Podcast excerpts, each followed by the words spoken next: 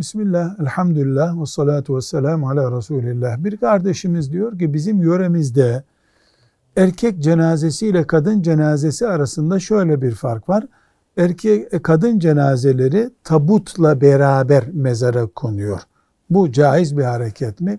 Çok özel bir sorun, bir e, mazeret olmadıkça cenazeyi kadın olsun erkek olsun tabutu ile mezara koymak caiz değildir. Cenaze kefenlenir, kefeniyle toprağa konur. Tabutla konmaz.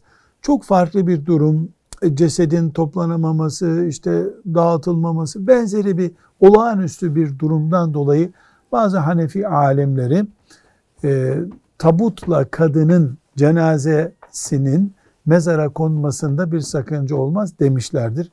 Velhamdülillahi Rabbil Alemin.